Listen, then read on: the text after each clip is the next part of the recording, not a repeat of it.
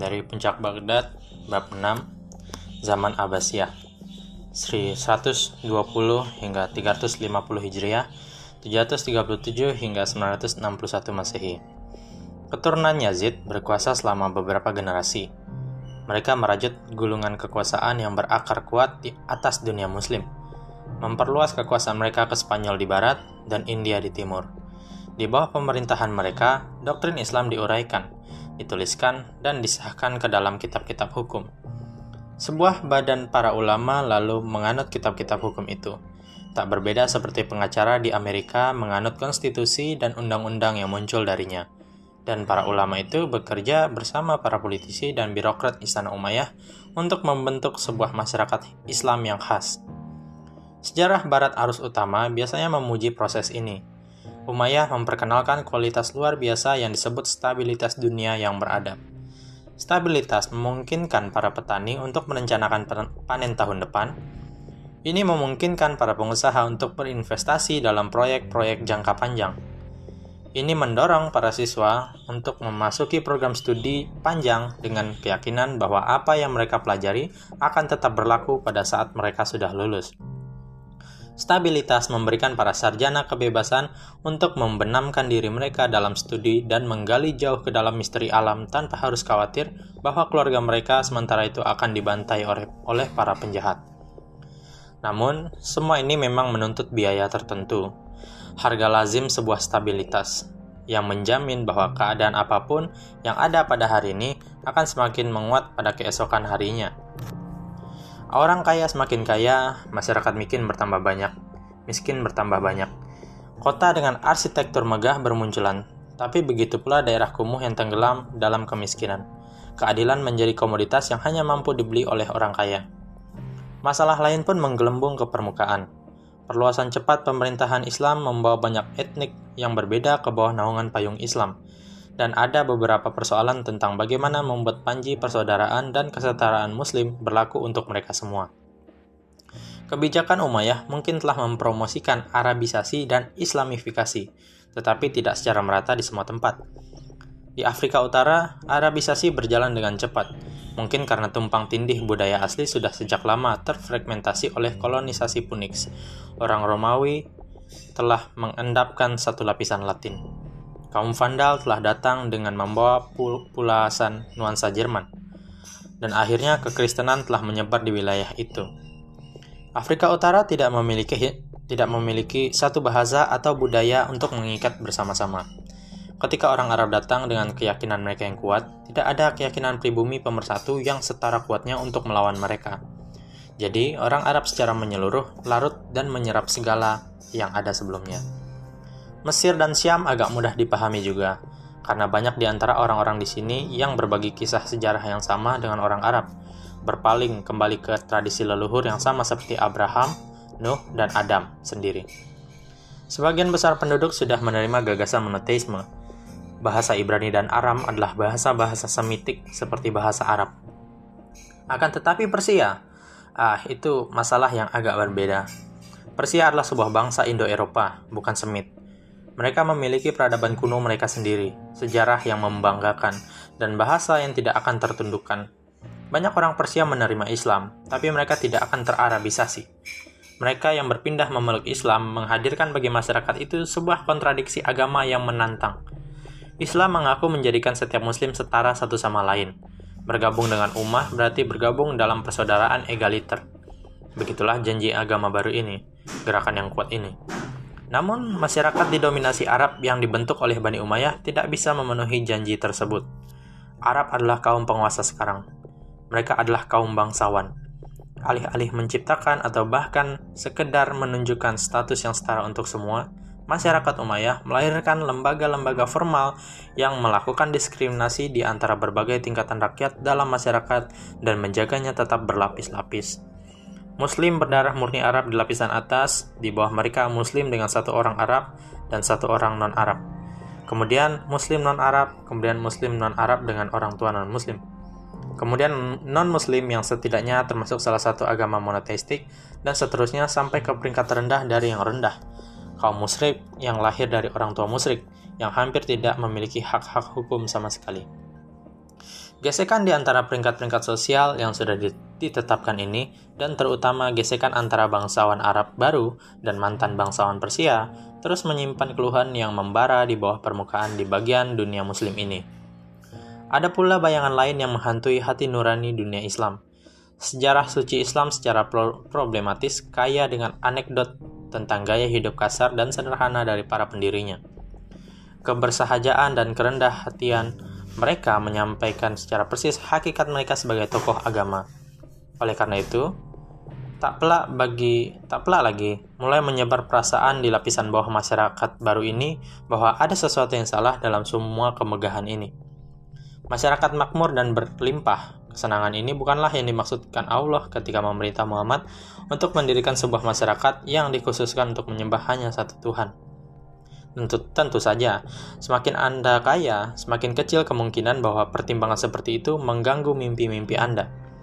Namun bagi masyarakat miskin, kisah-kisah tentang kemewahan di istana dan pemandangan bangsawan Arab wangi berkuda melalui jalan-jalan dengan pakaian sutra tentunya membangkitkan perbandingan dengan selimut sederhana Muhammad yang dilipat empat untuk menjadi kasur sekaligus spray serta Khalifah Umar di bangku tukang sepatunya memperbaiki sendiri alas kakinya. Ditambah lagi dengan aroma yang ditinggalkan oleh cara Bani Umayyah meraih tampuk kekuasaan, sebuah proses yang telah mengakibatkan munculnya dua gerakan oposisi abadi, Syiah dan Khawarij. Kaum Khawarij berjumlah lebih sedikit, tetapi gerakan mereka lebih radikal. Teologi mereka mulai berfokus pada tuntutan yang berlebihan akan kesucian mereka mengatakan kepemimpinan dunia Islam adalah milik orang-orang yang paling tekun menunaikan apa yang dikutbahkan agama. Tidak ada penguasa sekuler yang bisa memenuhi standar Khawarij ini. Bahkan sangat mungkin tidak ada penguasa di mana pun yang bisa memenuhi standar mereka. Titik. Sehingga Khawarij bisa saja mewartakan revolusi tanpa peduli apa situasinya. Selama ada orang yang berkuasa, akan selalu ada seseorang yang merasa tertindas. Dan selama ada orang yang merasa tertindas, penghasut Khawarij dapat menggunakan doktrin-doktrin mereka sebagai bahan bakar pemberontakan. Namun seiring berjalannya waktu, Khawarij gagal bertumbuh karena mereka bersikap puritan ekstrim pada saat semakin banyak orang memperoleh keuntungan dalam kemakmuran yang baru. Masyarakat yang kalah mungkin merasa tidak puas, tapi mereka tidak lebih siap untuk menukar sedikit kebahagiaan yang mereka miliki dengan ketiadaan sama sekali seperti yang ditawarkan oleh kaum Khawarij yang tetap menjadi ancaman nyata terhadap tatanan yang mapan adalah Syiah. Dan setelah kematian Hussein, serta para pengikutnya di Karbala, ancaman ini mulai menguat. Imam-imam Syiah tidak lagi secara langsung menantang tahta. Mereka mulai memisahkan makna imam dari makna khalifah. Mendefinisikan diri mereka secara semakin murni dalam istilah-istilah keagamaan.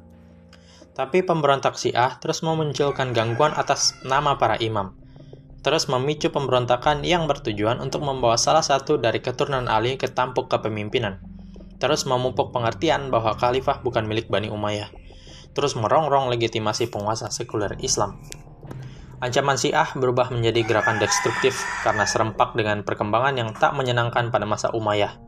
Hal itu adalah Syiah adalah pecundang religius yang ditekan dalam Islam. Persia adalah pecundang etnis yang ditekan dalam Islam. Syiah melawan terhadap kepampanan agama ortodoks. Persia melawan terhadap pendirian politik Arab. Tak, pelak lagi, yang satu memetakan yang lain. Persia mulai merangkul Syiah, dan pemberontak Syiah mulai melihat ke Persia di timur untuk mencari pengikut baru. Ketika kedua arus bercampur, pemberontakan mulai menggelembung. Gelagaknya semakin ke timur semakin keras, karena kekuatan polisi Umayyah semakin lemah ke arah itu, sementara sentimen anti-Arab memuncak semakin tinggi. Suatu hari, sekitar 120 Hijriah, seorang pria misterius masuk ke dalam kota Merv, pos terdepan kekaisaran, ini terletak hampir 1500 mil sebelah timur Damaskus. Di sini, di alam timur yang liar, orang asing ini mulai meniupkan kegelisahan terhadap Bani Umayyah dengan menyebarkan narasi milenial agama yang berbicara tentang datangnya pertikaian apokaliptik antara yang baik dan yang jahat. Tidak ada yang tahu banyak tentang orang ini, bahkan tentang nama sebenarnya.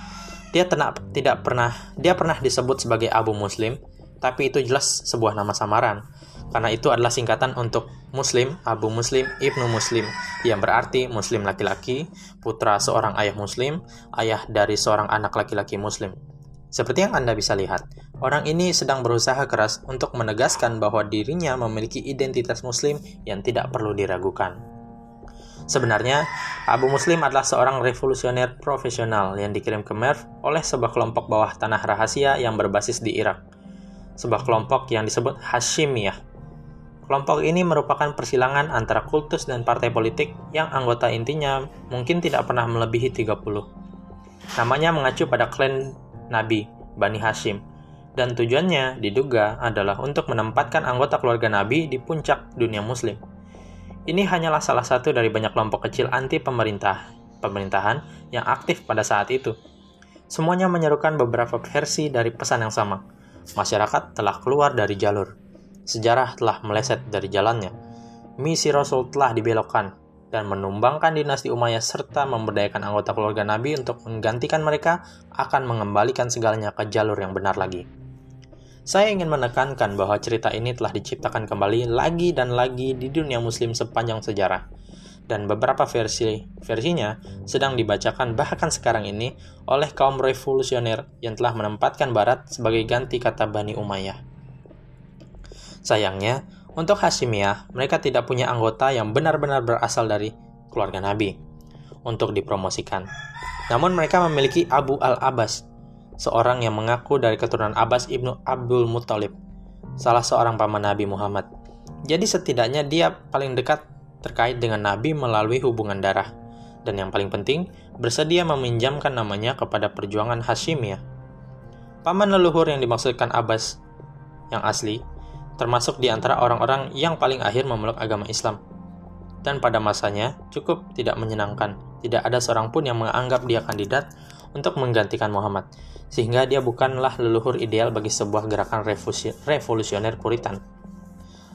Seorang keturunan langsung Ali dan Fatimiyah pasti akan lebih baik, tapi tidak ada seorang pun Aliyah, artinya yang nyata maupun yang diduga keturunan Ali bersedia bekerjasama dengan Hashimiyah jadi Abu Al-Abbas pun bercukuplah. Kadang-kadang Anda harus terjun ke pertempuran dengan figur pemimpin yang Anda miliki, bukan figur pemimpin yang Anda harap Anda miliki. Abu Muslim tidak punya banyak kesulitan untuk meman memanfaatkan ketidakpuasan Syiah dan Persia yang bergolak di Khorasan, provinsi yang membentang dari Iran hingga Afghanistan. Pada titik-titik kunci dalam pidato-pidatonya, Abu Muslim menjadi sedikit kabur tentang siapa yang akan menjadi khalifah setelah revolusi berhasil. Mereka yang merindukan keturunan Ali dapat membayangkan bahwa sosok seperti itu sedang menunggu di pinggiran, diam tanpa nama untuk saat itu hanya demi alasan keamanan. Berani, tanpa ampun, dan karismatik, Abu Muslim dengan cepat meninggalkan perannya sebagai agen dan muncul sebagai pemimpin revolusi Abbasiyah. Dinamakan demikian karena pemimpinnya adalah Abu al-Abbas. Di Khorasan, Abu Muslim merekrut kader revolusioner, melatih mereka untuk berperang, dan menjejali mereka dengan doktrin Hashimiyah. Para pengikutnya bisa dikenali melalui pakaian hitam yang mereka kenakan dan panji hitam yang mereka bawa. Mereka bahkan mengecat hitam senjata mereka. Tentara Umayyah kebetulan mengambil warna putih. Supaya Anda tidak mengira bahwa kode warna adalah hal yang asing bagi kultus yang mengajarkan pertikaian apokaliptik antara yang baik dan yang jahat, anda harus tahu bahwa di Persia, warna putih dianggap sebagai warna berkabung, warna kematian. Kaum revolusioner, kaum muslim revolusioner Afghanistan terbaru yang disebut Taliban, menyukai pakaian hitam sebagai seragam. Pada 125 Hijriah, 747 Masehi, Abu Muslim dan para prajurit berseragam hitamnya mulai bergerak ke barat. Mereka menghadapi perlawanan kecil melewati wilayah Persia tempat kebanyakan orang sangat ingin membantu menggulingkan Umayyah yang sombong. Pada kenyataannya, mereka memperoleh anggota baru dan momentum saat mereka berbaris melewatinya. Pada 750, tentara putih dan hitam bentrok di tepi sungai Zab besar di Irak. Meski kalah jumlah, pasukan hitam memukul mundur pasukan kaisar dan Khalifah Umayyah terakhir harus lari menyelamatkan nyawa ke Mesir di selatan.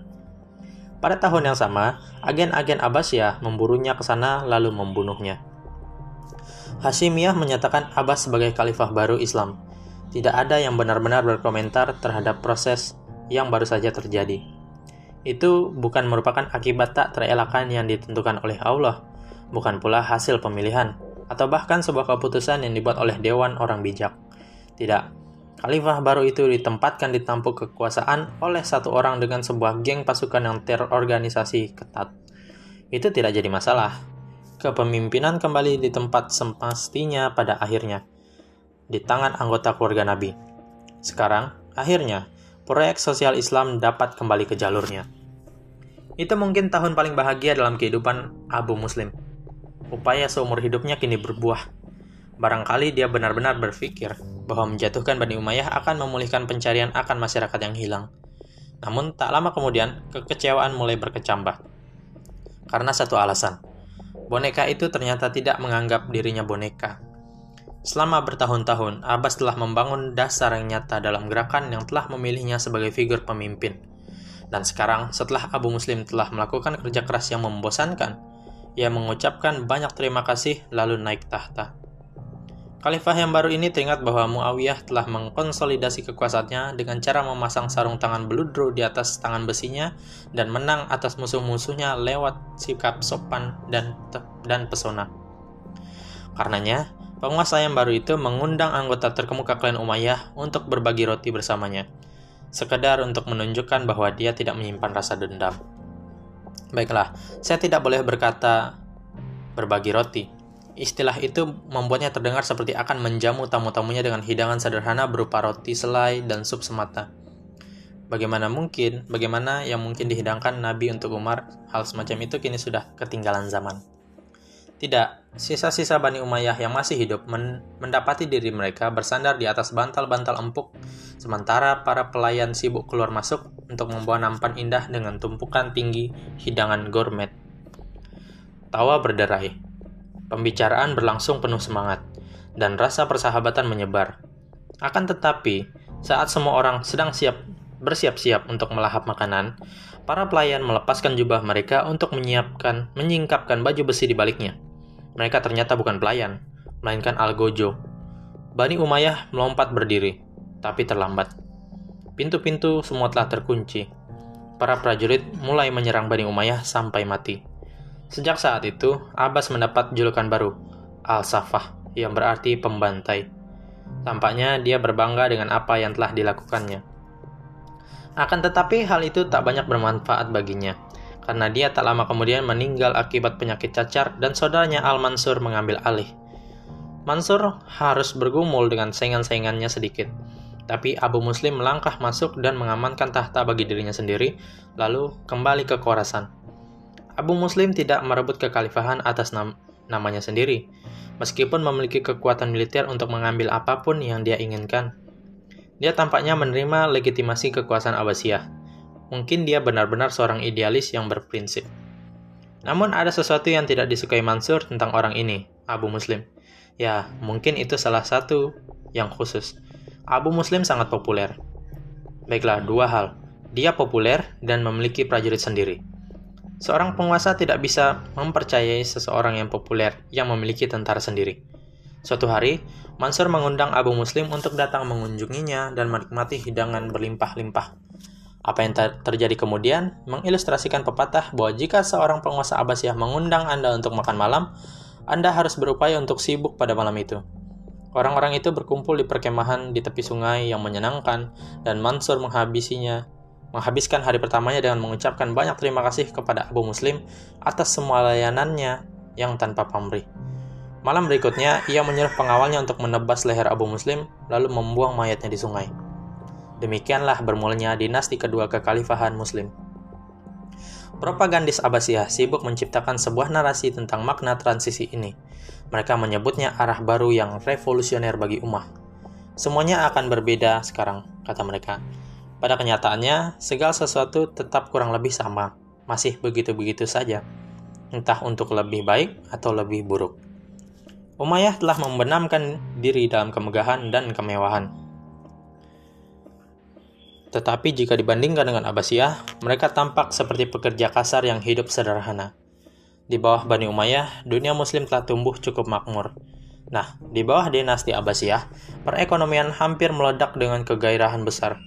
Dan seperti dinasti Umayyah, Abbasiyah adalah penguasa sekuler yang menggunakan mata-mata, kekuatan polisi, dan tentara profesional untuk mempertahankan cengkraman mereka. Karena Abbasiyah telah naik tampuk kekuasaan atas gelombang ketidakpuasan Syiah, Anda mungkin menduga bahwa dalam hal ini setidaknya mereka akan berbeda, berbeda dari Bani Umayyah. Tetapi dugaan Anda ini salah total.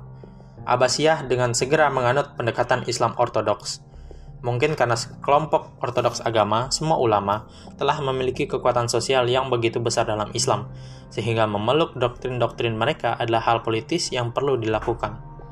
Memang, baru dalam zaman Abbasiyah, seperti yang akan kita lihat dalam bab berikutnya, pendekatan arus utama Islam memperoleh label Sunni karena baru sekaranglah ia menggumpal menjadi sebuah sekte berbeda dengan nama sendiri. Pada hari-hari awal pengambil alihan oleh Abbasiyah, banyak pengikut Syiah yang naif berpikir bahwa Safah dan keluarganya akan meletakkan imam Syiah yang diakui di atas tahta. Dengan demikian, mengawali milenial damai yang diramalkan dalam propaganda Hashimiyah. Sebaliknya, perburuan terhadap keturunan Ali makin diintensifkan. Bahkan ketika khalifah ketiga dari dinasti ini meninggal, menurut salah seorang pelayan, penerusnya menemukan sebuah kamar rahasia dalam istana yang menuju ke gudang bawah tanah tempat dia mengumpulkan mayat-mayat dari semua keturunan Ali yang telah ditangkap dan dibunuhnya. Mereka tidak selalu keturunan Fatimah karena Ali punya istri lain setelah Fatimah meninggal. Namun, Abbasiyah juga memaksimalkan segala upaya, segala sesuatu yang baik dari pemerintahan Umayyah. Bani Umayyah telah memimpin menuju perkembangannya kemakmuran, seni, pemikir, pemikiran, budaya, dan peradaban semua kemegahan dan dinamisme ini berkejaran ke arah sebuah titik puncak pada masa dinasti Abbasiyah, menjadikan sekitar dua abad pertama pemerintahan mereka sebagai salah satu era paling dikenang sejarah Barat dan banyak umat Islam kontemporer sebagai zaman keemasan Islam. Salah satu langkah pertama Mansur misalnya adalah membangun sebuah ibu kota baru untuk didirikannya sendiri, untuk dirinya sendiri. Sebuah kota yang bernama Baghdad, selesai pada 143 Hijriah 765 Masehi. Kota yang dibangunnya tetap bertahan hingga masa kini, meskipun telah dihancurkan dan dibangun kembali beberapa kali selama berabad-abad dan sedang dalam proses dihancurkan lagi. Mansur berkeliling wilayahnya selama beberapa tahun sebelum ia menemukan situs yang sempurna untuk kota suatu tempat antara Tigris dan Efrat di mana kedua sungai itu begitu dekat dan satu sama lain sehingga sebuah kota dapat membentang dari satu tepi ke tepi yang lain. Persis di tengah-tengah wilayah ini, Mansur membangun cincin dinding yang melingkar sempurna, berdiameter 1 mil, tinggi 98 kaki, dan ketebalan 145 kaki di bagian dasar. Kota di dalam donat besar ini sebenarnya hanya satu kompleks istana besar, pusat saraf bagi kerajaan baru terbesar di dunia. Butuh waktu lima tahun untuk membangun kota bundar itu. Sekitar 100 ribu perancang, pengrajin, dan buruh bekerja menggarapnya. Para pekerja ini tinggal di sekitar kota yang sedang mereka bangun, sehingga rumah-rumah mereka membentuk kota cincin lain yang acak-acakan di sekitar intinya yang megah. Dan tentu saja pemilik toko dan pekerja berduyun-duyun untuk datang untuk mencari nafkah menjual barang dan jasa kepada orang-orang yang bekerja di kota bundar. Yang menambahkan bayangan kota lain di sekitar cincin kacau yang mengelilingi inti lingkaran yang sempurna. Dalam waktu 20 tahun, Baghdad menjadi kota terbesar di dunia dan mungkin kota terbesar yang pernah ada. Itulah kota pertama yang jumlah penduduknya melampaui satu juta. Baghdad menyebar melampaui kedua sungai, sehingga Tigris dan Efrat sesungguhnya mengalir membelah Baghdad bukan di tepinya. Airnya dialihkan melalui jaringan kanal yang memungkinkan perahu-perahu berfungsi sebagai bus kota, sehingga agak mirip Venesia. Kecuali bahwa ada jembatan dan ada jalan juga yang memungkinkan orang untuk berkeliling kota dengan berjalan kaki atau naik kuda. Baghdad mungkin telah menjadi kota tersibuk dan juga terbesar di dunia. Kedua sungai besar yang membuka ke arah Samudra Hindia itu memberinya fasilitas pelabuhan besar, Ditambah lagi dengan mudahnya akses melalui lalu lintas darat dari setiap sisi. Sehingga ketika kapal-kapal dan kafilah mengalir keluar dan masuk setiap hari, membawa barang dan pedagang dari setiap bagian dunia yang dikenal, Cina, India, Afrika, Spanyol. Perdagangan diatur oleh negara. Setiap negara memiliki lingkungannya sendiri. Begitu pula setiap setiap jenis usaha. Di satu jalan, Anda mungkin menemukan pedagang kain. Di tempat lain ada pedagang sabun. Di tempat lain lagi pasar bunga dan di tempat lain toko-toko buah. Jalan alat-alat tulis menampilkan lebih dari 100 toko yang menjual kertas. Sebuah penemuan baru yang belum lama berselang diperoleh dari Cina yang ditemui dan dikalahkan Abbasiyah pada 751 Masehi di daerah yang sekarang Kazakhstan. Tukang emas, penuang timah dan pandai besi, pembuat senjata, dan pemelihara kuda. Penukaran uang, pedagang jerami, pembangunan jembatan, dan tukang sepatu semua bisa ditemukan menjajakan dagangan mereka di pojokan yang telah ditentukan di Baghdad yang besar. Bahkan ada sebuah lingkungan untuk kios-kios terbuka dan toko yang menjual macam-macam barang. Yakub, seorang ahli geografi Arab pada waktu itu, mengklaim bahwa kota ini memiliki 6.000 jalan dan lorong, 30.000 masjid, dan 10.000 pemandian. Ini adalah kota menara dan ubin glamor dalam kisah 1001 malam. Kumpulan cerita rakyat yang berubah menjadi sastra selama sehar selama hari-hari terakhir masa dinasti Abbasiyah. Kisah-kisah seperti tentang Aladin dan lampu ajaibnya berasal dari masa pemerintahan Khalifah Abbasiyah Keempat dan paling terkenal, Harun al-Rashid, yang digambarkan sebagai titik puncak kemegahan dan keadilan. Legenda tentang Harun al-Rashid mencirikan dirinya sebagai raja dermawan yang sangat tertarik pada kesejahteraan rakyatnya, sehingga dia sering berjalan di antara mereka sambil menyamar sebagai rakyat jelata. Agar bisa mendengar langsung masalah mereka dan mengambil langkah-langkah untuk membantu mereka. Sebenarnya, saya kira, mata-mata khalifah lah yang pergi berkeliling di antara para penduduk dengan menyamar sebagai pengemis biasa. Bukan hanya untuk mencari masalah yang akan diluruskan, melainkan juga untuk menetralkan orang-orang yang tidak puas.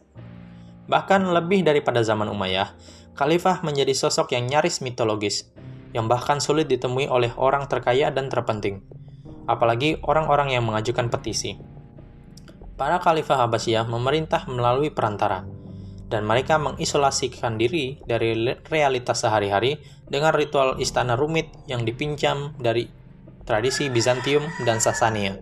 Jadi, ya, Islam menaklukkan semua wilayah yang diperintah oleh Sasania dan banyak yang dulu dikuasai oleh Bizantium. Namun pada akhirnya, hantu dari kerajaan-kerajaan yang digulingkan itu menyusupi dan mengubah Islam.